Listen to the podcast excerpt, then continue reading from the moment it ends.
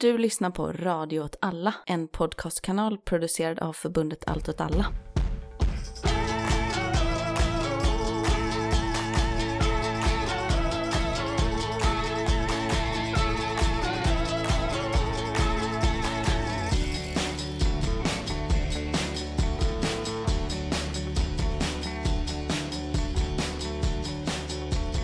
Hej, välkommen till Rörelse Udda krig och perspektiv. med mig Martin Hansson. Och med mig Miran Andersson. Hur är läget med dig? Jo, men det är bra. Det är ett nytt år. Det är nytt år, ja. 2023, Ja. vinnarnas år, ditt år. Ja. Det här är det sjukaste avsnittet i år kanske. Det får man ju säga, ja. Fy fan vad dålig jag har varit. Ja, det liksom går i ett i ett. Ja, nej, det är faktiskt helt fruktansvärt. Jag borde nog ta och kolla upp det alltså. Ja, Ja, det blev inget nyårsfirande för mig. Nej. Mellandagarna helt utslagen. Ja, det hela semestern rök nästan på att eh, ligga under en filt. Äh, en filt, det stämmer inte. Under fyra till fem filtar och knappt kunna gå i trappor. Frossa och grejer. Mm, frossa och grejer. Ja, det hade varit fruktansvärt, verkligen. Jag beklagar. Ja, men du har varit frisk. Ja. Ja, det kan jag förstå. Du håller... Det är god trim. Äter och sover regelbundet och tränar mycket och så. Ute och joggar i strandkanten. Mm. Ja, du letat bärnsten. Jajamän. Ja, Det var väldigt kul. hittade några guldklimpar. Nyårsaftons morgon från tre till tio. Ja, men jag hittade mycket bärnsten, så det var Mm. kul. Mm. Nice. Vad ska vi säga mer? Något mer? Ja, nej. Ska vi, ska vi säga något om våra liv eller ska vi... Jag vill ju inte prata. Du vill inte prata om ditt liv? Nej. Nej, det respekterar jag. Nej, men då, vi kanske bara ska rulla igång det här avsnittet. Vi tänker att vi kan börja med ett kort litet nyhetssvep. Rullar du jinglen?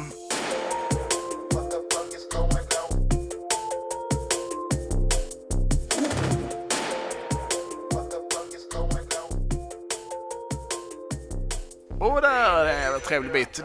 Jag eh, tänker att det kan vara värt att nämna det här med lagar och sånt va? De finns, De finns, det är en grej. de stiftas av riksdagen. Vissa menar att det är själva fundamentet hela samhället vilar. Det som har hänt det senaste när vi spelar in är den första, höll jag på att säga, det är det inte alls, det är den fjärde första 2023. Ja. Och eh, det har varit lite skriverier om det här med samröre med terroristorganisationer. Just det. Medlemskap i terroristorganisationer. Det Ja. senare har jag inget, det lovar jag. Samröre.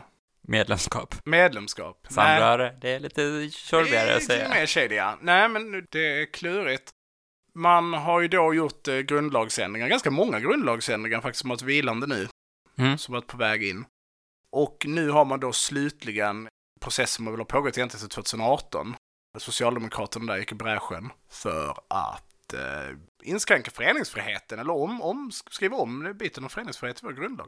Och i all enkelhet så har man då helt enkelt gjort, man har tidigare sagt att det har funnits undantag då föreningsfrihet inte gäller. Det har då gällt typ organisationer, föreningar som hetsar mot folkgrupper, tror jag. Och, eh, eller då med militär karaktär. Kår... eh, K-verksamhet, ja. Ja. Man inte gör, får sätta upp en armé hur som helst. I det här jävla landet. Och eh, nu har man då gjort att, eh, som jag fattade, att man också då har inkluderat terrorism. Mm. Att man kan inskränka föreningsfriheten då. Och det öppnar ju då upp för lagar som helt enkelt kriminaliserar organisationer eller då eh, samröre eller att propagera för, eh, för organisationer som är terrorister. Men de lagarna är inte stiftade än. Nej. Så det är fortfarande tillåtet att flyga PKKs flagga. Det, PKs flagga är okej, IS flagga är okej. Det är någon lyssnare som eh, undrar. Grå vargarna. Också okej. Ja. KKK, Okej. okej. Amerikanska flygvapnet, Okej. okej. Det är också okej. Ja.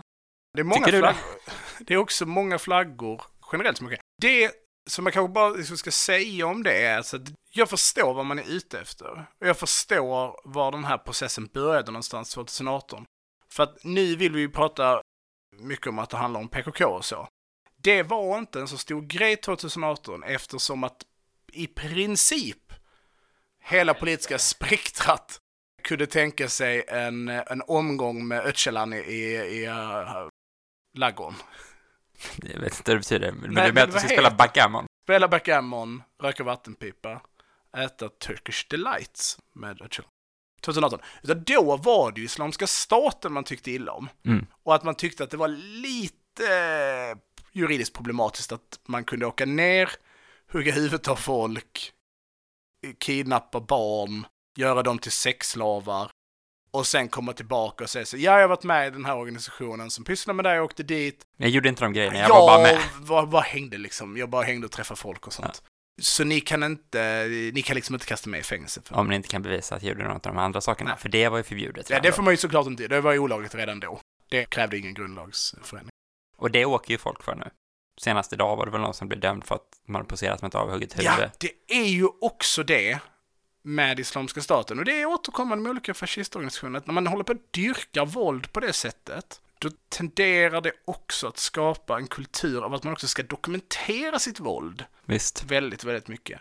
Vilket ju är all fine and dandy om man sen inte också råkar vara, vilket är ett vanligt fascistproblem, Förlorare. riktigt dåliga. Så att man också förlorar och sen ska det här liksom redas upp i efterhand. Mm. Man kan ju ta exempel Saar-familjen. Fotograferades det när de sköt ihjäl den familjen? Nej, Nej, det var ingen som tog foto. Det var ingen som var så, det här kanske borde ta och, ta och spela in.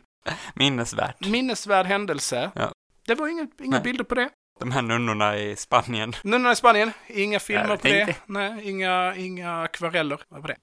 Men, men så, så är det ju historiskt, liksom. 2018. Då drar det här igång, liksom. Att ah, men det här får vi göra någonting åt. Och nu sitter vi här och så är man så, okej, nu verkar det stora feta grejen, alla vill vara med i NATO. Det är stort, alla vill vara med. Folk står och knackar på porten. Erdogan säger no, no. Inget NATO för er. Det är så han säger. Han säger så. Och då kommer ju situationen att eh, man, nu släpar vi ut grundlagen på gatan och bara avrättar den för att visa oss coola nog för att gå med i gänget. Och nu är det ingen som pratar om IS längre. Nu är det inte Islamiska staten, ingen bryr sig om dem. Utan nu är det, Ja. Det Jo, finns jo, någon som bryr sig. ja, men nu så, nu är det PKK som ska bli olagligt för att Erdogan ska bli glad. Ja. Kittlar honom på magen. Tobias Billström har varit ute och sagt det ska bli förbjudet att vifta med PKKs flaggor. Och sen så har han 7 sagt... juni. Alltså, Jag tror det är 7 juni. Nej, jag minns inte. På nationaldagen, då får man. Dagen efter, nej. Nej. Det är det sista. Det är sista gången vi hyllar Svensk PKK-iska. det, kurdiska arbetarpartiet. Nej, och sen så sa han, det har jag inte alls sagt. Och sen så har det kommit fram en inspelning där han har sagt det, verkar det som. Mm. Så det är roligt. Det är klantigt. Men han kommenterar inte det, för han kommenterar inte tredjepartskällor. Ja, just det. Så är det. Så han kommer undan. King. Get out of jail free card. ja, det är smart. Det är smart att bara göra det till sin Ja. grej. Det är som han tyste mannen, tyste moderaten. Men då tänker man ju så här, okej, man sitter där, man är liberal, man, eh, man hatar stor stygga vargen, man hatar staten, hatar staten.pp, man tycker inte om staten, har aldrig gillat staten, alltid varit för frihet. Och så är man så, eh, men vi gillar NATO, Vi vill väldigt gärna komma med i NATO. Mm, vi vill väldigt gärna med i NATO. Vi gillar, inte staten, vi gillar gärna stora internationella övergripande avtal som kan förpliktiga medborgare att tvingas i krig. Ja. Det gillar vi, men vi gillar inte staten. Och så är man så här, vi ska gå med på, vi ska inskränka eh, våra fri rättigheter helt enkelt. Ja. Grundläggande så, lagen som skyddar oss mot staten. Vi måste inskränka den lite. Okej, ibland måste man göra saker man inte gillar. Jag, eh, Jag måste gå till jobbet. Jag skulle precis säga att du, måste duscha eller borsta tänderna eller sånt. Det var på väg. Okej, men då har man åtminstone när man inskränker där, då tänker man vi gör den här inskränkningen. Vi vill gå med i NATO. Ibland måste man liksom. Vi skriver den på ett väldigt precis sätt. Tänker man att man gör då. Mhm. Och så väljer man begreppet terrorism. Som kan betyda vad som helst. Som, sak, som saknar definition. Ja. Vad är terrorism? Terrorism är som porr. Man vet det när man ser det. Man vet när man ser det. Det här är terrorism. Men så kan man också säga att man ser det när man inte ser det. Precis. Och då är det så, ja, jo, nej, det kanske också är... Saker som inte är terrorism, är väldigt få. är det väldigt få saker som inte är terrorism. Vi gör ett test. Jag, jag lägger upp två. Ett är terrorism, ett är inte terrorism. Okej, det är ett test nu. Mm, det är ett test. Är du redo? Ja. Jag improviserar det här testet, men jag tror vi kan sprida ut ett växtbekämpningsmedel över stora jordarealer i ett land på andra sidan jorden som gör människorna som bor där väldigt, väldigt sjuka och även påverkar deras barn och barnbarn genom de här liksom, starka kemikalierna man sprutar ut. Är det terrorism eller att motsätta sig att vita människor ska bestämma i ett land i Afrika? Något är terrorism. Välj. Var det terrorism? Var det inte terrorism? Det är för svårt för mig. Det är svårt. Ja, jag jag måste ändå köra på det här med att eh, det är ANC som är terrorister. De är terroristerna. Ja, ja. Det är ANC, Mandela, terrorist, Rainbow Project, Agent Orange i Vietnam. Vietnam, inte terrorism. Okej? Jag bara följer vad som har sagts mig. Du, ja, okej. Jag bara anpassar mig till den ordning vi har bestämt i samhället tillsammans. Och då tänker alla, okej, men det var då. Det var en annan tid. Det bara var så. Ja. ANC, i- idag tycker ingen ANC är terrorister. Visst, de sprängde lite bomber och dödade lite människor och så, men de är inte terrorister idag. Ingen tycker det. Nelson Mandela skyddskille. Och så är det ju bara att folk är så dumma i huvudet så att de tror liksom att det är så vi också kommer att förstå framtiden. Eller det är så vi kommer att förstå dåtiden i framtiden. Att man inte kommer att titta tillbaka och säga, är den här gruppen som vi tyckte var terrorister, de kanske inte var det. Det är vad du tror. Mm, jag, håller tror med det. dig. Ja. Du håller med? Ja. Mm, det är tur. Okej. Eh, har du något du vill tillägga? Nej, men vi vet väl inte så noga. Man har ändrat grundlagen så att man kan göra olika absurda lagar, men vi vet inte vilka de kommer bli ännu. Nu vet jag inte vad man sa angående IS 2018 liksom, men jag menar, varje gång den här diskussionen dyker upp om borde man inte göra nazism förbjudet så att eh, vi kan förbjuda NMR, så brukar det finnas en vänsterinvändning som är så, jo, det hade ju varit smidigt, men börjar man förbjuda några organisationer som man inte gillar, då kommer man kunna förbjuda andra organisationer som man inte gillar och när SD lagstiftare så kanske det är vänstern då som blir förbjuden istället liksom. Och lite samma sak är det som spelar ut här på något sätt. Ja, Men alla tycker man ska förbjuda Islamiska staten på något sätt, okej fine. Men har man generellt ändrat i föreningsfriheten så drabbar ju det även vänstern eller vilka progressiva krafter man kan tänka sig. Eller att det kan göra det liksom. Och inte minst så handlar det ju, jag tycker att det finns en principiell eh, dimension där som jag då tänker att liberaler borde vara ganska upprörda över. Att jag tycker inte staten ska ha den typen av makt. För det blir någonstans tankelagar och vilka, vad får man sympatisera med eller inte sympatisera med. Ja, och det förutsätter ju hela tiden att, att vi ska ha en stat som något sådär vill oss väl. Och ta rimliga beslut, Mm. inte göra fel liksom. Man ska ge den Man kan massa på- makt för att den kommer inte göra fel. Mm. Istället för att vara så, ja den kommer göra fel ibland och då måste man ha en lagstiftning som, som begränsar staten. Och det är, det är därför vi har grundlagar och det är därför Mm. vi inte ska in och pilla i det. Men jag tänker också, jag läste Advokatsamfundets eh, remissvar på det här. Och de gör ju bara den helt rimliga invändningen som bland annat är så, ja men vi vet inte vad terrorism är. Det är ju lite problematiskt. Och för det andra så är ju alla de här sakerna, själva handlingarna man utför, de är redan kriminaliserade. Just det, precis som att det var någon som dömdes då för det här, vifta med ett avhugget huvud. Ja men precis, ja och du får inte ge pengar till en terrororganisation. Ja, ja, så pass också. Så det är ju olagligt. Det som vi gör nu är att man lättare ska kunna döma terrorister. Och då är det bara så att om det är någon svensk lagstiftare som lyssnar på det här, som är så jävla dum i huvudet, så de tror att fängelse brukar hjälpa för att förhindra terroristorganisationer, så kan jag ju berätta för dem att terroristorganisationer är redan förbjudna. I länderna där terroristorganisationerna är verksamma, då är det oftast ett krig, alltså där insatsen inte är så åh, jag fick eh, sex år på Kumla, utan insatsen är jag blir antagligen avrättad och kastad i en massgrav. Så att, att det här då ska ha en avgörande inverkan på terrorism har jag mycket svårt att se. Mm. Dumt, men nu är det redan gjort. Nu är det gjort. Ja. Ingen tillbakakaka, heter det så? Okej, det, ska vi... eh, det är hämnd du pratar om, tillbaka kaka. Okej, ska vi dra igång eller?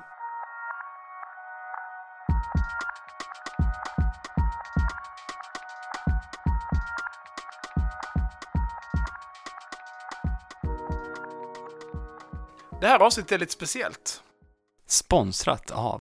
Ja, vi eh, frågade personen som har sponsrat det här avsnittet både vad eh, det skulle handla om och vad vi skulle kalla personen.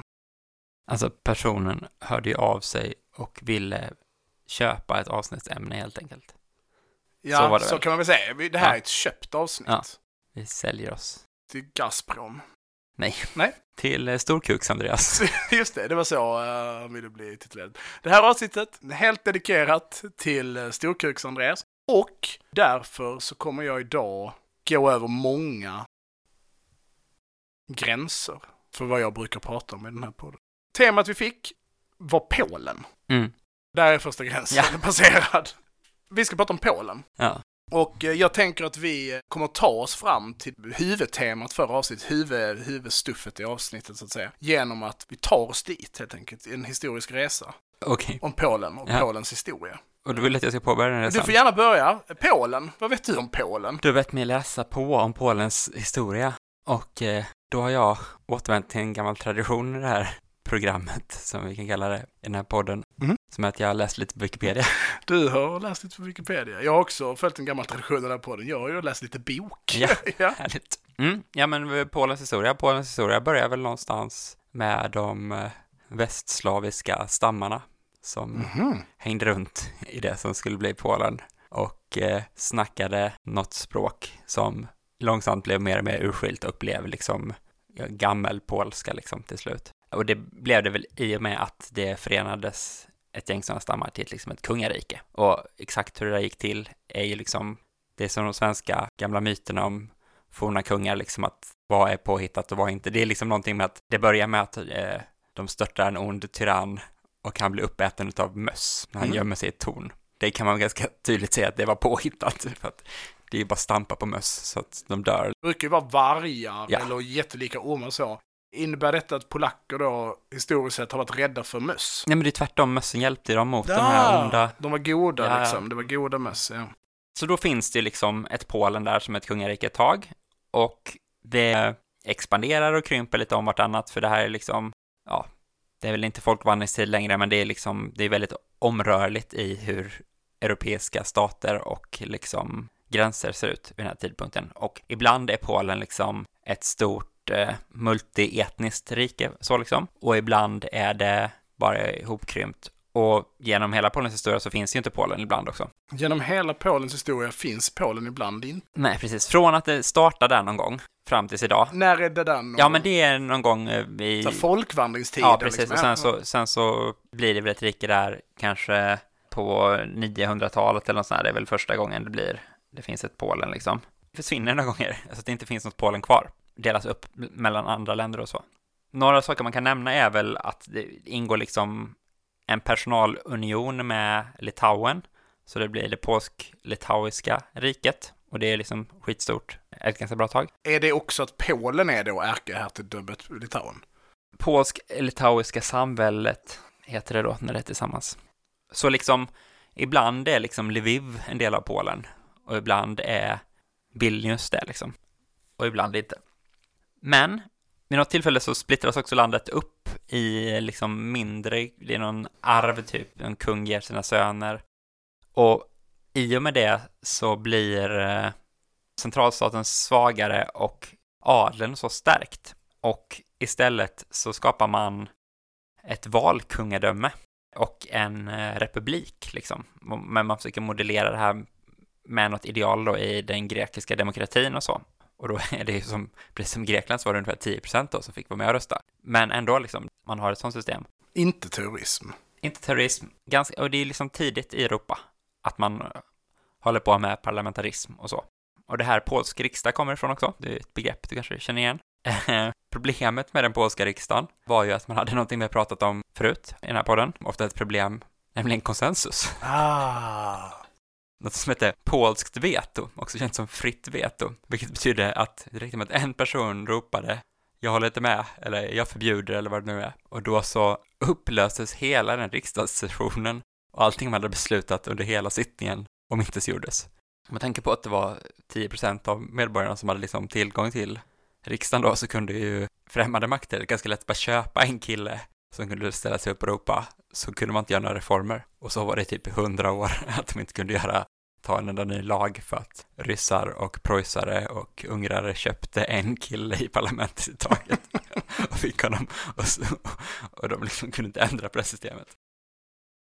Varför tog de inte bara honom och slog honom utanför, tänker jag? Varför hade man konsensus i en riksdag? Nej, det är nej, ju nej, ett väldigt märkligt system. Men det är också liksom, i samma linje med det här så finns det liksom, renässansen är stor i Polen och så. Det är kanske är något man tänker på liksom, att, att det fanns ju liksom tider av högkultur eller så i Östeuropa på ett sätt liksom som man kanske inte riktigt har med i liksom berättelsen om Väst och Östeuropa liksom på något sätt. Mm, men eh, till slut så blir det ju en delning då av Polen på precis början på, äh, slutet på 1700-talet och början på 1800-talet, där Polen slutar finnas och liksom tillfaller Preussen och eh, Österrike, Ungern och Ryssland. Och Ryssland har ett tag en lydstat som heter Kongresspolen, men sen så annekteras de delarna av Polen i sin helhet in i Ryssland också då. Och eh, det finns ju lite olika försök till uppror då och så och eh, olika arméer försöker sättas upp i liksom exil av polacker. De har exempel en befäl under Napoleon som har trupper liksom så med idén om att de ska komma tillbaka och liksom upprätta ett Polen med dem, men det lyckas inte och istället så får de fly till USA så är de med i amerikanska revolutionen och är typ viktiga där istället och så. Men eh, Polen saknas ju fram till eh, 1918. Efter första världskriget så bestämmer man sig för att återupprätta Polen. Ja. Och det är där du vill ta vid? Där tar jag vid. Andra republiken Polen föds. Och den föds ju under liksom ett stort eh, kaos. Först, det stora, första världskriget är avklarat. Tyskarna har ju tagit territorier långt in i eh, ryska imperiet som ju nu har omkullkastats och Sovjetunionen har uppstått. När tyskarna slutligen tvingas liksom överge territoriet de har tagit så lämnar de ju liksom ett stort politiskt vakuum efter sig. Ententen, alltså Frankrike, England och USA, har bestämt att eh, man ska återskapa Polen. Där har man varit inställda på ganska länge. Man har satt upp en exilregering i Paris som sitter redo att ta makten. Och polackerna själva har under hela första världskriget har ju de, de har kämpat på lite olika sidor i kriget. Men en ganska stor del har ju stridit i österrikisk-ungerska armén. Eftersom att man liksom har sett sin kamp som en, en riktad kamp mot Tsar-Ryssland helt enkelt. Och lite kanske samma anda som även tidigare då, att man satte upp trupper för att också kunna verka för Polens självständighet efter att man har slagits färdigt för den här främmande makten som man slogs för. Jo men precis, och man, man bildar ju då den här den polska legionen då, som ju är en eh, stridskraft. Och i den polska legionen så finns det en, eh, en person som heter Józef eh, Pilsudski som eh, inte ingår i den här exilregeringen i eh, Paris, utan tjänstgör i polska legionen en liksom dedikerad nationalist. Drivs av väldigt starka anti-ryska liksom, idéer. Har varit socialist i sina yngre dagar. Som en side-note då kan man säga att det sägs att det är Josef Pilsudski som ordnar fram sprängmedlen som ges till Lenins storebror. Jaha. Som görs, eller jag vet inte, sprängmedlen som gör bomben som Lenins storebror försöker mörda tsar Alexander den tredje med i efterhand i den här liksom landsfadersberättelsen om Josef Pilsudski så menar man väl att han var socialist endast för att han var motståndare till tsaren och såg det som den enda politiska kraften som liksom kunde hota kejsar-Ryssland på något sätt. Det kan man väl låta vara osagt. Boken jag har läst eh, är väldigt tendentiös, så jag tänker att man får ta vissa sakerna som står i den med en nypa salt. Han tjänstgjorde då i österrikisk-ungerska armén, men eh, när liksom polska legionen lite tas över av tyskarna och tyskarna försöker sätta upp en polsk enhet.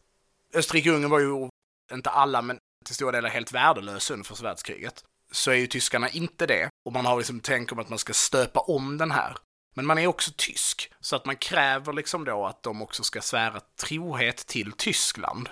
Det här är också ett drag i den här förhistorien, att Österrike-Ungern var inte så mycket för att liksom omvända polackerna den delen som Österrike-Ungern tog över som hette Galicien, det blev liksom ett sånt polskt kulturcenter, medan de delarna som togs över av Tyskland, där skedde det ju så kulturkamp mot liksom katolicismen och eh, att eh, omvända för tyska liksom mm. befolkningen mm. eller så. Så ja, det går i linje med det också. Pilsudski är ju en man av principer. Så han säger nej. Han säger fuck off, jag kommer inte svära någon trohet till Tyskland och interneras därefter. Men han kommer ju ut då när tyskarna kollapsar, förlorar första världskriget, och eh, drar direkt till Polen. Som ju då har liksom börjat återuppstå på något sätt i det här politiska vakuumet som uppstår. Han eh, ingår så sagt inte i den här eh, exilregeringen som bland annat Churchill är väldigt pådrivande att den ska komma till stånd. Vid den här tiden är han ju marinminister. Men eh, Pilsudski blir överbefälhavare för den nya Polen eller andra republikens eh, väpnade styrkor och blir väl liksom i praktiken deras politiska ledare. Okej. Okay. Så den här exilregeringen bara sidesteppas för de var inte riktigt med i action. Nej, men det blev väl liksom en, ett parlament och en regering Okej. och så. Men Pilsudski då och liksom polska ambitioner, lite som du är inne på här, är ju inte riktigt det Polen vi har idag. Mm. Utan det är ju en mycket större spelare. Och det som har hänt med det då, det här politiska vakuumet är att det här är ganska mycket territorier som ligger liksom öppet att ta. I Litauen och Vitryssland och så vidare, Ukraina. så Ukraina så, som liksom är odefinierat. Och, vad, och vad händer i Ryssland vid samma tidpunkt? Det är ett inbördeskrig. Det är ett inbördeskrig. Så att liksom läget är lite öppet och det fångar Pilsudski. Mm. Och sätter upp eh, de- de här styrkorna och de sätter liksom upp en armé och den är så spännande på många sätt. Vi kan komma tillbaka till den för att den är liksom ett sånt hopkok av allt som existerar vid tiden. Att det är så. Polska förband som har stridit för Tsarryssland, men som bara identifierar sig som polacker, som är beväpnade knappt och har knappt liksom uniformer som flyr in i de här områdena från liksom inbördeskriget som skakar eh, Ryssland. Man har liksom he- hela frivilligförband som är liksom uppsatt av amerikanska polacker som är så nu kommer vi tillbaka för att liksom återskapa vår, liksom, vår heimat, vårt hemland. Beväpnade och uniformerade som amerikanska soldater. Man har Blå armén som i princip består av då franska polacker, tyska polacker, österrikiska, så här, polska krigsfångar. Och så sätter man upp dem och beväpnar dem då med franskt krigsmateriel. De får stridsvagnar och så. Och är ju liksom väldigt välrustade på något sätt, inte, inte som sponsorn på avsnittet, utan de, de har tillgång till eh, liksom det senaste krigsmaterialet.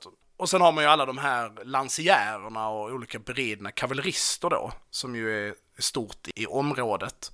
Och de skiljer sig liksom också, för då kan man ha hela delar som är utbildade enligt tysk standard, eller österrike-ungersk standard, eller som är kosacker. Och sen sätts de in i liksom kavalleridivisioner och liksom har helt olika klädsel, pratar egentligen, även om de pratar polska, så liksom kommer de från militärtraditioner och doktriner från andra olika länder. Så det här sätts upp och Pilsudski och Polen är liksom snabba då med att ta mark och bryter helt enkelt in i, inte vad som är Sovjetunionen, utan vad som är den här vakuumterritoriet som har uppstått när tyskarna har dragit sig tillbaka. Lenin och company noterar ju att det här händer. De har ju, håller på att fightas mot liksom Wrangel och Denkin vid tidpunkten, så det är ju liksom fullt hållabaloo inne i, i Ryssland.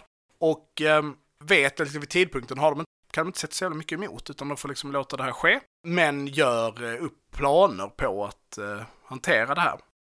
Och det ska väl också sägas att de typ börjar väl mer eller mindre med att liksom spöa på Ukraina. Ja. I det polsk-ukrainska kriget som utspelar sig där typ ett halvår, 1918 till 1919. Och då är man nere och tar Lviv igen och sånt. Ja, då tar man Lviv och, och gör liksom en inbrytning. Och man har mycket åsikter om hur Ukraina ska styras. Vi återkommer till det. Okej. De vill att Macron skulle ha... Precis. Polackerna är då väldigt övertygade om att eh, Sovjet bara väntar på att liksom anfalla Polen. De gör sig redo för det och det blir lite första världskriget all over again, att de är så, ja och väntar vi så kommer bolsjevikerna vinna, ryssarna vinna för att de är så många fler än oss så vi måste slå först. Men samtidigt så befinner sig Polen som en del i den liksom ententens intervention i ryska revolutionen. Så att Polen får ju liksom stöd och blir liksom uppmanade och hetsade av ententen att de ska angripa Sovjetunionen för att lätta trycket mot de militära insatser som man gör mot den röda sidan till stöd för den vita sidan i ryska inbördeskriget. Och man skickar massa vapen och ammunition och man hetsar. Och Pilsudski är rätt kall där för han vill ha längre tid för att bygga upp sina styrkor och sluter väl typ en separat fred med Sovjetunionen. Och det kanske är under tiden de spöar på Ukraina nu när jag tänker på det. Men man liksom, ambitionen är inte nödvändigtvis att bara liksom direkt tjäna ententens syfte, utan man ska återuppbygga det här Polen. Det är, liksom, det är det som är det stora projektet. Och Pilsudski gör sig liksom ganska illa omtyckt bland eh, ententens ledarskikt och de som intresserar sig. Så man förhandlar med bolsjevikerna. Men då så vänder ju liksom ryska inbördeskriget. Röda armén slår tillbaka Denkin, hans frivilliga armé, och genomför en serie liksom militära framgångar. Och väst blir liksom mindre och mindre intresserad av att fortsätta putta in kapital in i den vita sidan. Och att vid tanke på att de socialistiska strömningarna i Europa blir starkare också, så finns det en fara i att stötta att alltför aggressivt stötta angreppen på Sovjetunionen. Eftersom att man gör det och ändå vinner bolsjevikerna ändå så kommer det liksom kosta oss i slutändan. Så när man börjar vackla liksom i sitt stöd så blir det liksom en snöbollseffekt för hur det går för bolsjevikerna. De gör fler och fler framgångar. Frankrike är egentligen den som håller igång det här intresset för den militära interventionen längst. Det är också så att Frankrikes intresse gör att man stöttar Polen väldigt mycket. De skickar en stor mängd officerare 1919 till Polen för att rusta och utbilda den polska armén. Däribland en ung major med namn eh, Charles de Gaulle som befinner sig i landet eh, under, under de här, det här debaklet. Ah, så han, Eh, Så han var där. Mm. Ja, Det är liksom verkligen en sån soppa med olika viktiga personer för nästa stora krig Ja. som befinner sig där. Polen då, till skillnad från Ryssland, saknar ju också en, en egen vapenindustri. Så att de är ju liksom extremt stort behov av det här stödet.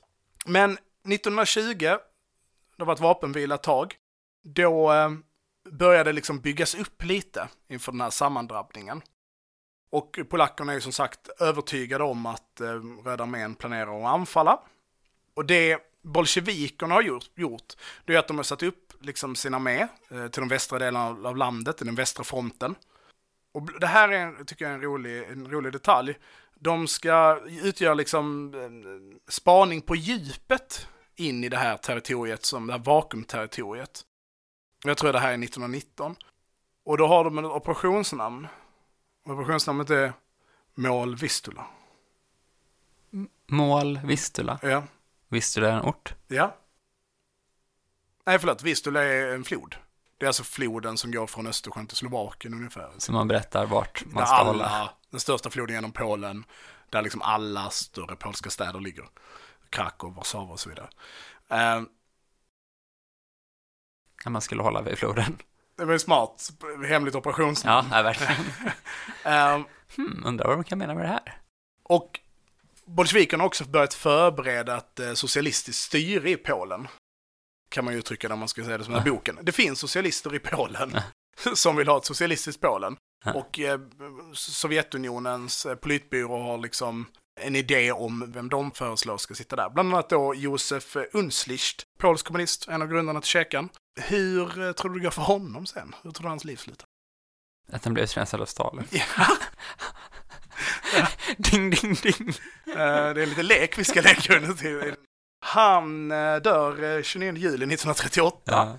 Han blir arresterad eh, 37 och eh, av då, eh, Misstänkt för konspiration kanske? ja, med eh, en polsk militärorganisation. Ja. Han blev skjuten. Ja. Tillbaka. Så, så det här är läget. Polen är bra på mycket, mindre bra på andra saker. Ett misstag de gör, det är kanske det största misstaget de gör i hela det här kriget, det är att de startar det. Ja. Det ska man, eh, ska man vara försiktig med. Inte minst ifall det är Sovjetunionen man krigar mot. De eh, anfaller. De kör en våroffensiv i april 1920. Målet är Kiev. Sparkar ut eh, bolsjevikerna som då vid tillfället håller Kiev. De ska sätta in sin egen, jag vet inte vad det är, Ja, det är en- Ukrainsk ja. republik, Folkrepublikens ledare ska sitta där istället. Den är framgångsrik till en början. De polska trupperna är väldigt motiverade, de är välrustade vapen och eh, har eh, fina och rena uniformer från Ententen. De går in, precis som du säger så är detta lite konstigt för det här är ju Ukraina de är i. Men det verkar ju då tillhöra idén om vad Polen har Jo, men för och en ska gång i tiden vara. har, Ja, har vissa delar av västra delar av Ukraina varit en del av det här multietniska Storpolen då liksom. precis. Så de eh, bryter in där, tjongar ut eh, bolsjevikerna så det sjunger om öronen. Det blir eh, full reträtt på sina delar. Och det här är ju liksom en sån grej som jag tänker är viktigt rent liksom teoretiskt om det här kriget, eller liksom för att förstå det här krigets eh, karaktär. Och det är att bolsjevikerna är födda som armé ur ett inbördeskrig. Och ett inbördeskrig skiljer sig liksom från ett konventionellt krig på en rad olika punkter. Men en av de mest centrala delarna av hur ett inbördeskrig skiljer sig från ett konventionellt krig är brutaliteten. Mm. Och det här har man ju sett under hela inbördeskriget också, att folk byter sida, folk flyr en mass, börjar en reträtt kan få liksom jättestora effekter. Man vill fan inte bli fångad av fienden. Nej. Och lojaliteten är också lite flytande. Att man kan också tänka sig att liksom byta sida för att man är, man är på vinnarsidan helt enkelt. Så det är mycket reträtter i det här kriget. Medan den polska armén i större utsträckning är stöpt i det konventionella kriget. Eh, och beter sig liksom därför för annorlunda. Um, när de då gör den här våroffensiven mot Kiev och tar den och sparkar ut bolsjevikerna därifrån så kan man ju säga att Röda armén hade totalt 5,5 miljon soldater.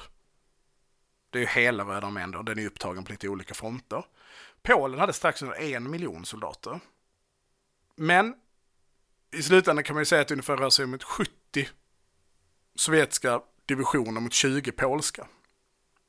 Och de röda bolsjevikerna hade stor reserv att ta av. Det fanns liksom folk att, att skeppa in. Och den här liksom karaktärsskillnaden mellan arméerna visar sig också i vad, hur de är utbildade att strida. Alltså att polackerna var framförallt kom från en tradition där man stred liksom som supermakterna gjorde, fast utan supermakternas resurser. Så att medan bolsjevikerna i större utsträckning liksom var vana vid att strida med brist på ammunition, brist på mat, brist på, på uniformer, skor och så vidare. Så var polackerna i större utsträckning liksom deras doktrin byggde i större utsträckning på att det här var saker som fanns tillgängliga, flygplan till exempel, för rekognosering och så vidare.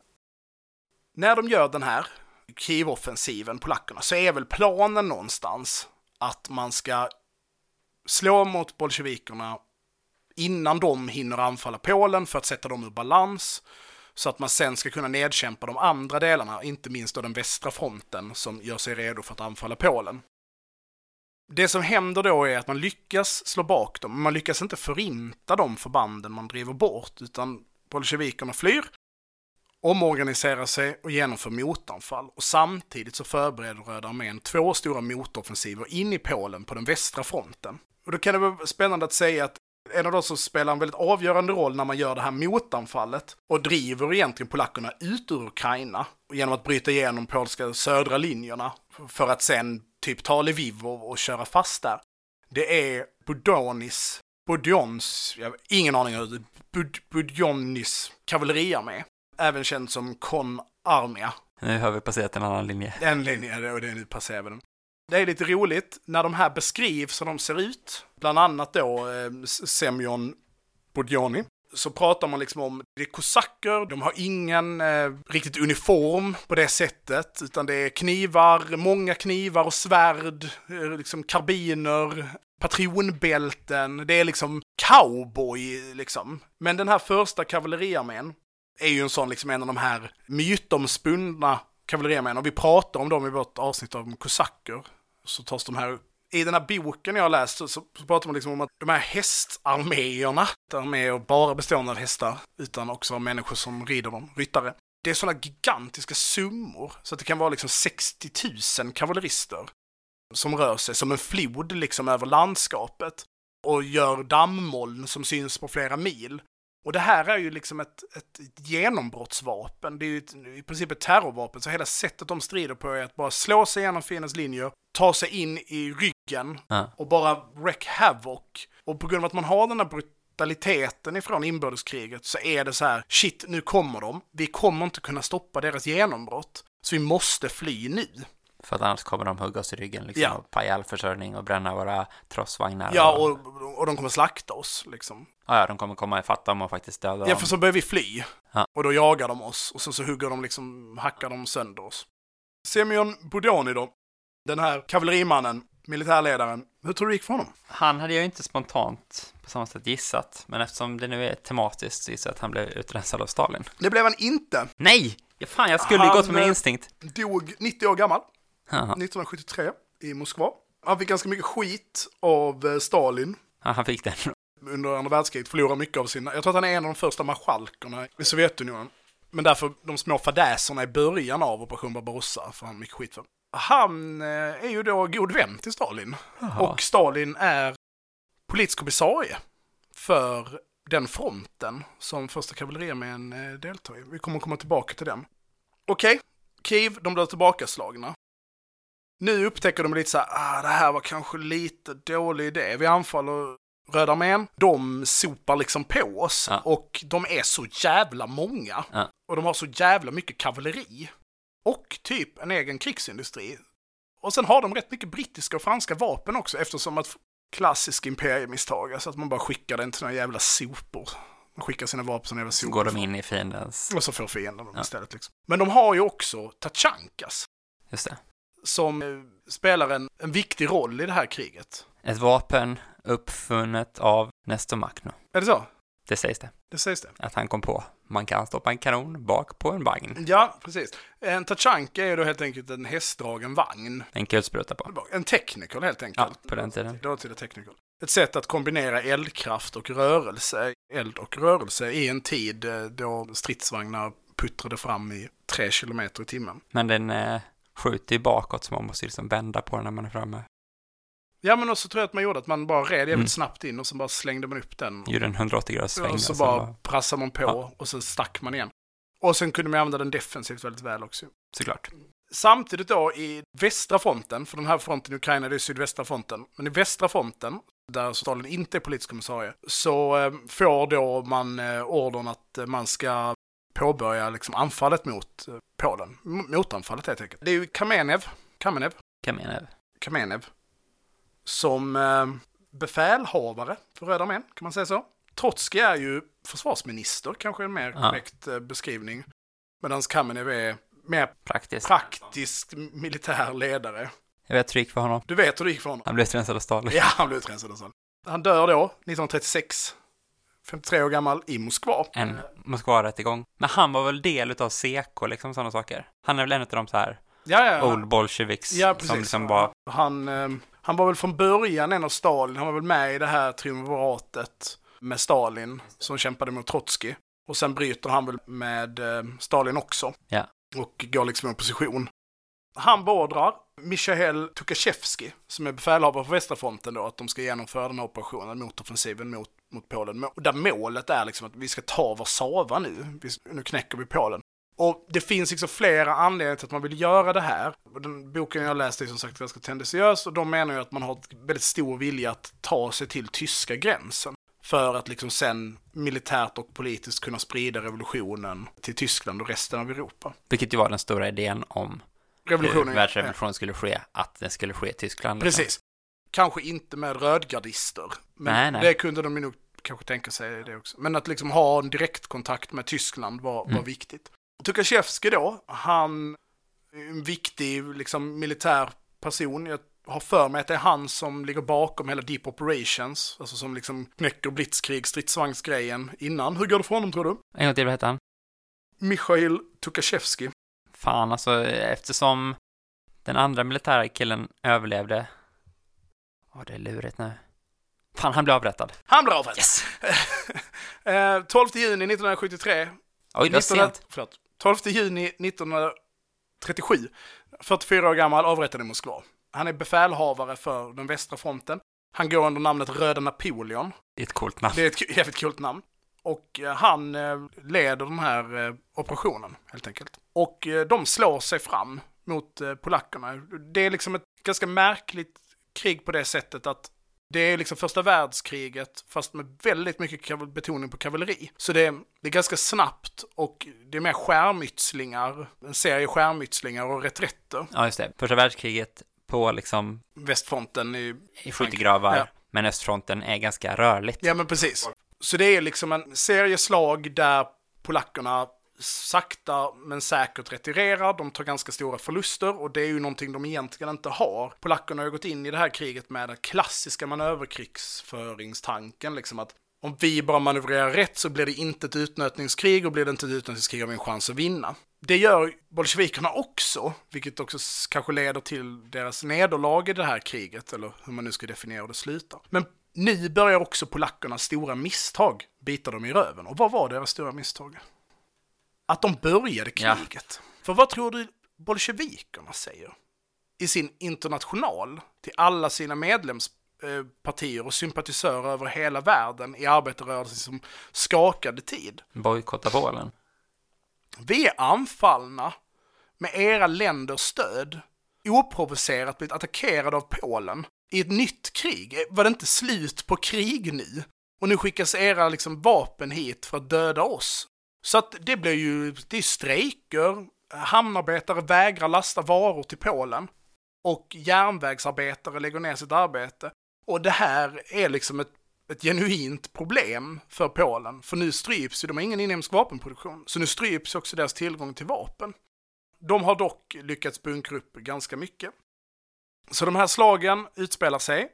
Samtidigt så pågår ju striderna i Ukraina mot liksom de polska och så samtidigt har man ju strider mot Denkin och Wrangel på något sätt. Det är liksom krig mot den vita sidan också. Den södra fronten, som ju nu blir den sydvästra fronten, den leds då av Alexander Jegorov. Det är där eh, Bojoni var befälhavare för den här kavalleriarmén. Jegorov är då befälhavare för sydvästra fronten och har sin politiska kommissarie Josef Stalin med sig. Kamenev säger till Jegorov, skickar telegram till Jegorov där han säger att eh, de tre arméerna du har i sydvästra fronten så strider liksom i praktiken i det polska kriget. De måste övergå till västra fronten, de får bli en del av Tukashevskis front. Och du, Jegorov, ska fokusera på att eh, ta Wrangel, som är på Krim. Vita sidan på Ah, Krim okej. liksom. Det ignorerar Jegorov och Stalin. Men så, nej, vilket telegram? Jag har ingen aning vad det är för telegram. Det är en klassisk sak man kunde göra på den tiden, Ja. för det tog så jävla lång tid. Och... Så det går liksom en vecka och de har inte svarat. Då gör ju Kamenev vad man gör. Man ringer Lenin och säger så det är Lenin, jag har skickat ett, ett brev till Jegorov och Stalin för att när de här fronterna ska ta olika beslut och ordrar så ska de underskrivas både av den militära ledaren och av den politiska kommissarien. Så då får liksom Lenin skicka ett, ett telegram. Så jag snackade med Kamenev, han sa att ni inte lyder order ni får från honom. Vad fan är det här liksom? Skärp nu, ge de här tre arméerna till Tukashevski. Och då är Stalin så, nej, nej det, kom, det kommer jag inte göra. Det är mina arméer. Jag skiter i vad politbyrån säger. Jag säger upp mig. Om inte, om ni ska driva igenom det här. Så det blir liksom ingenting med det riktigt, utan han behöver liksom aldrig lämna över dem. Och de spelar liksom senare en ganska oviktig och spelar ingen central roll i slaget om Warszawa. Så Stalin hade inte heller en militär rättare förståelse än Kamenev där, utan de hade behövt trupperna Nej, och det verkar ju vara som att typ Stalin har någon tanke om att så, eh, det här ska ju verkligen tas som en stor nypa salt, men att om Lenin och Kamenev och Tukashevskij de är så här, men om vi tar Polen så ska vi ta Berlin. Typ. Ja. Alltså så. Så är Stalin och Jegorov säger, ja, då kan vi kanske ta Rom. Oj, Alltså att de har liksom en egen War for Communism eh, path liksom som är som att de spelar Hearts of Iron liksom. Men det är som sagt den här boken jag har läst, jag tror det ska man nog ta med en nypa salt. Så Stalin har hotat med att säga upp sig och eh, Jegorov då, en av få viktiga befälhavare som har stridit för den vita sidan, varit ah, okej. befäl, liksom, så han är militärt utbildad, varit socialrevolutionär och var med i det här upproret 1918 när man liksom Mm, strider mot väl. bolsjevikerna. Men han hade ju en jävligt stor position. Alltså, det är liksom striden mot Denkin och Wrangel. Det är ju liksom supercentrala fronter. Det är ju där Ententen har pumpat in mest, mest resurser. Och 1919 så har han ju liksom eh, 30 000 man under sig och så. Hur gick det för honom tror du? Han måste ju blivit avrättad. Japp! 1939. 23 februari. Avrättade i Moskva. Det han höll ut länge för att ha en historia av slåss för den vita sidan liksom. Men han hade ändå Stalin som sin politiska kommissarie. Man hade ju kunnat tänka sig att de skulle varit buddies. Ja. Eller hur? Mm. Så det är liksom strider fram och tillbaka. Och sen börjar man närma sig Warszawa. Ja. Pilsudski är ju, börjar bli stressad. Det här går ju inte alls som man hade tänkt sig. Fast skulle inte anfallit. Han skulle inte anfallit först, det var dumt. Och det som liksom är spännande är att han gör ganska snart upp en plan som är så här, okej, vi kommer inte kunna förhindra slaget om Warszawa. Vi kommer inte stoppa dem på det sättet. Så att det vi måste göra nu är att vi måste slå dem vid slaget om Warszawa. Eh, och det ska vi göra genom att vi ska få dem att anfalla på en punkt där vi vill. Och då anfaller vi dem i flanken. Ganska straight up klassisk liksom. Och detta gör han genom att sätta upp ett par liksom hårda befästa positioner längs floderna runt Warszawa och drar undan trupper, får röda sidan att liksom förfölja och sen drar undan en bit av sin södra front gör sig redo för att anfalla tillbaka. Men själv så lämnar han eh, Warszawa och liksom leder trupperna lite längre västerifrån för att senare återvända och leda dem i det motanfallet. För statusen på soldaterna är ju extremt låg. Om man tidigt i kriget hade kunnat prata om liksom de glada, stolta polska pågarna som var redo på att fightas, så är ju läget inte riktigt så nu, utan det är ju flera månader av stridigheter har ju lett fram till den här punkten och de är i rätt dåligt skick generellt. Och inne i Warszawa och i andra delar av Polen så börjar det ju ske kommunistiska uppror nu. Alltså sabotage, man börjar liksom agitera för att liksom omkullkasta den andra republiken och instifta en liksom, Sovjetmakt i Polen också.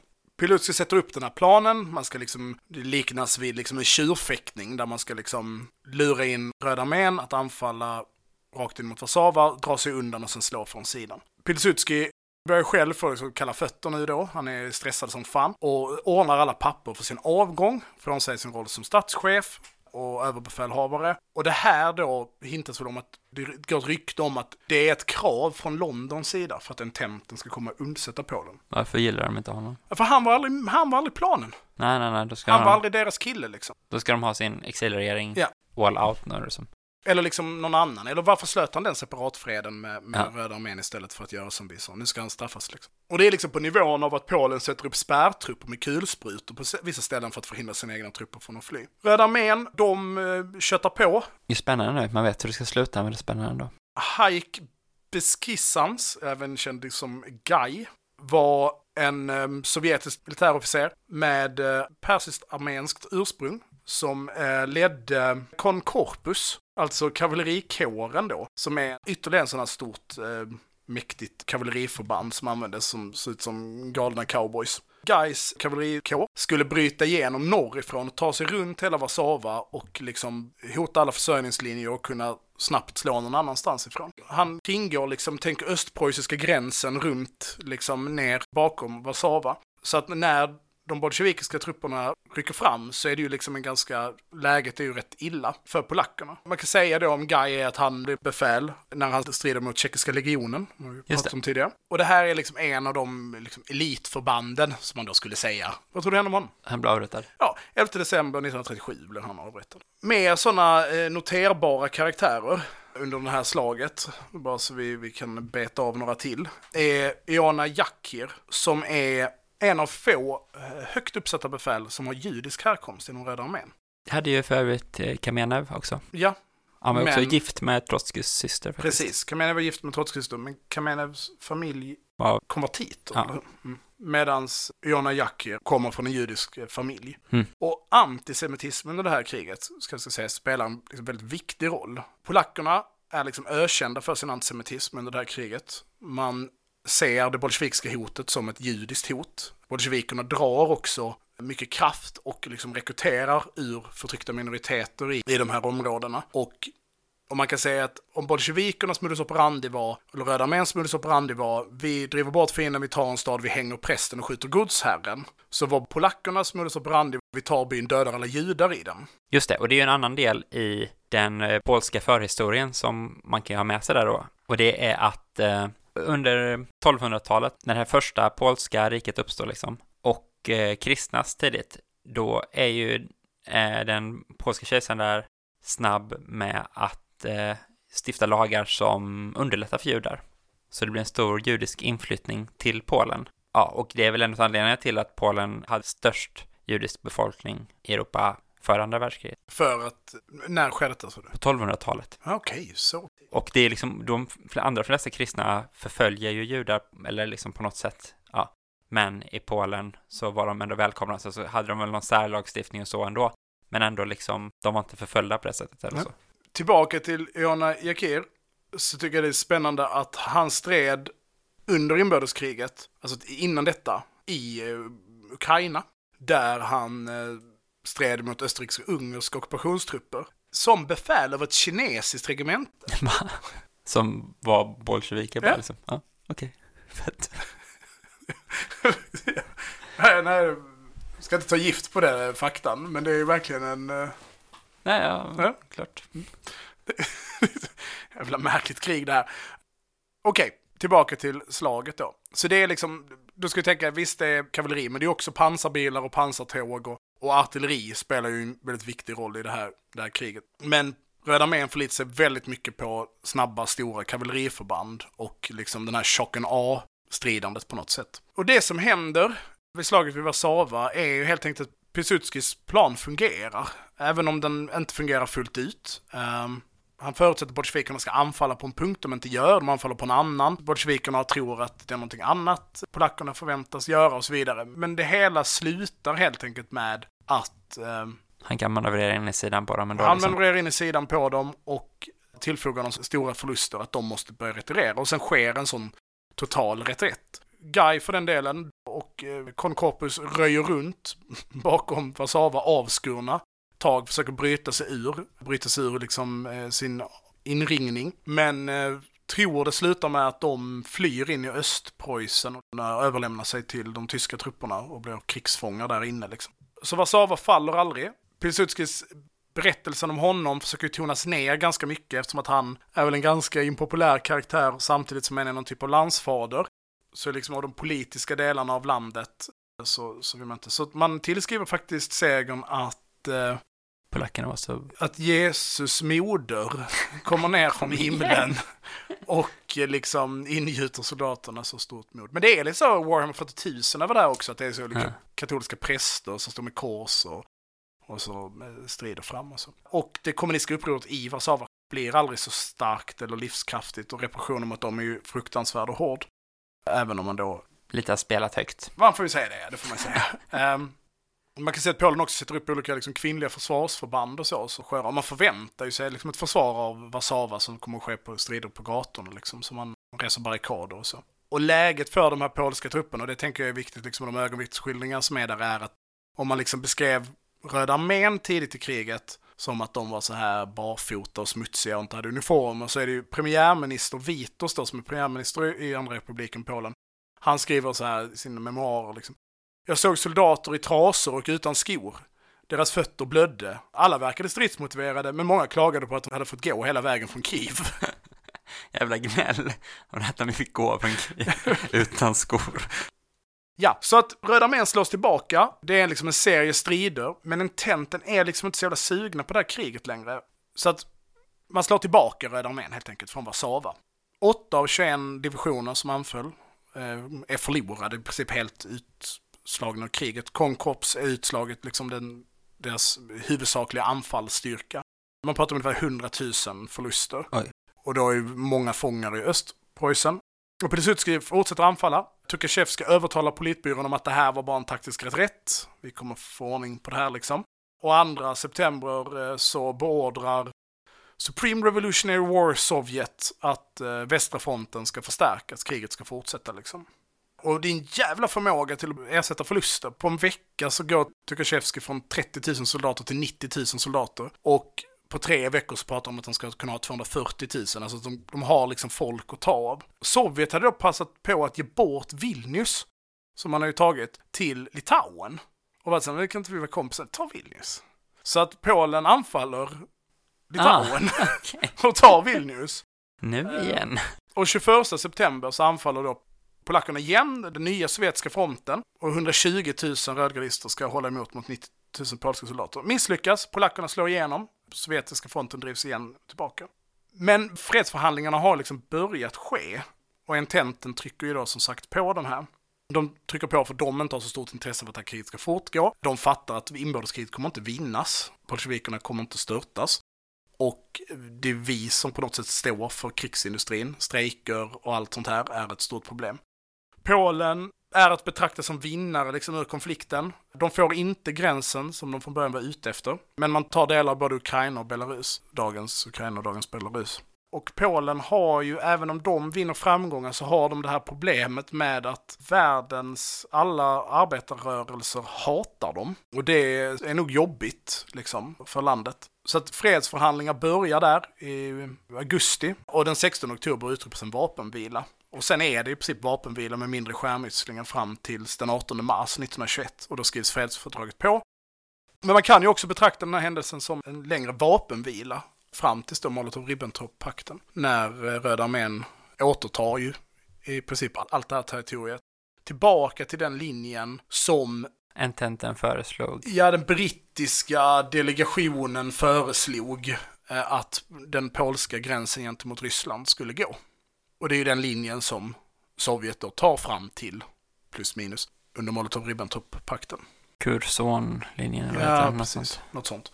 Det ska sägas att när Tjukov går in i Polen så lämnar han med en, en grupp och besöker Pilsudskis eh, mausoleum. Mhm. Mm. Även då ifall man kan tycka att det finns någon sorts bakgrund för Sovjet att ta tillbaka det som Polen tog i polsk-sovjetiska kriget då, så måste jag säga att jag är motståndare till Molotov-Ribbentrop-pakten och delningen av Polen. Ja, det är också, det var därför jag lite var att det var den brittiska delegationen. Här borde Polens gräns gå. visst, precis. Som att det ger den gränsen någon större bäring Nej, än någonting annat. Att någon fetlagd britt har ritat på en karta att den polska gränsen ska gå. Sen de var ganska på att göra lite varstans i världen. ja, precis. De har ju som en historia av att dra lite streck Ja. sådär. Så nej, den ger den väl lika lite bäring. Den linjen har väl lika, lika mycket en legitim nationsgräns som någonting annat. Ja, och eh, med det orden så eh, vill jag avsluta eh, dagens eh, häst och polack special. Det var inte så mycket potatis. Så det Nej, var inte alla linjer Det var som inte alla korsades. linjer som korsades, nej. Ja, Jag känner inte något så att prata om potatis. Det, Det har du inget emot? nej, nej, det stör inte mig så Okej, mycket. så då blir det potatisavsnitt framöver. Det är bara någon som vill ha ett potatisavsnitt, köp ett avsnitt. Vi har två avsnitt i hundrade avsnittet. Det där Det är sant. Det här är avsnitt 98. Ja, oj, nej, vad ska vi göra för hundrade avsnittet? Vi har ingen aning. Nej, Jo, det har vi visst. det har vi visst. Vi får se. Ni, ni får se. Men den är hemlig. Den är hemlig. Eh, De som vet, de vet. Och så vidare. Tack så jättemycket Storkruks Andreas för eh, möjligheten till att eh, få läsa på om det här kriget. Tack. Tycker också man kan fråga Andreas när man träffar honom varför han ville bli benämnd. Ja, det får ni ta med... Eh, konstigt att vi ska prata om det här. Och till alla er andra lyssnare. Hoppas ni haft ett eh, bra ledighet och att eh, nya året skänker er stor glädje och framgång som den kommer att göra i Myrans liv. Tack så mycket för att ni har lyssnat. Tack och hej. Man kan följa oss på sociala medier, där heter jag Trojkan1337. Man kan följa dig på sociala medier, där heter du slukhål. Det är Twitter jag pratar om nu. Man kan följa oss på Facebook, där heter vi Eldrörelse. Man kan följa oss på Instagram, där heter vi eld.och.rörelse. Tack så jättemycket till våra mingelmakare. Tack så jättemycket till våra jingelmakare. Och till eh, vår Instagram uppdaterare. Influencer. Skeppahoj! Ja. Adjö! Hej hej!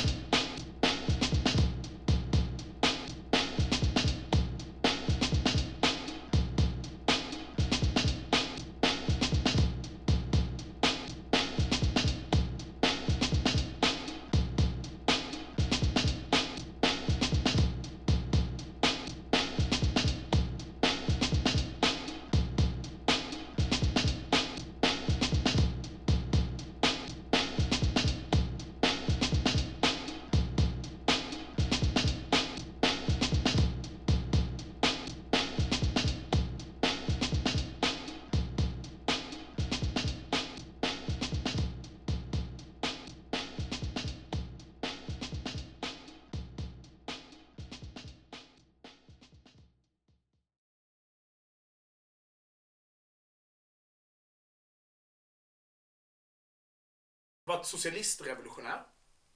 Eh, och, eh, Socialrevolutionär som det heter. Vi har haft den här diskussionen kanske hundra gånger. Det heter socialrevolutionär, inte During the socialistrevolutionär. February Revolution, hoping to future develop his military career, he rejoined the socialist revolutionaries. Ja,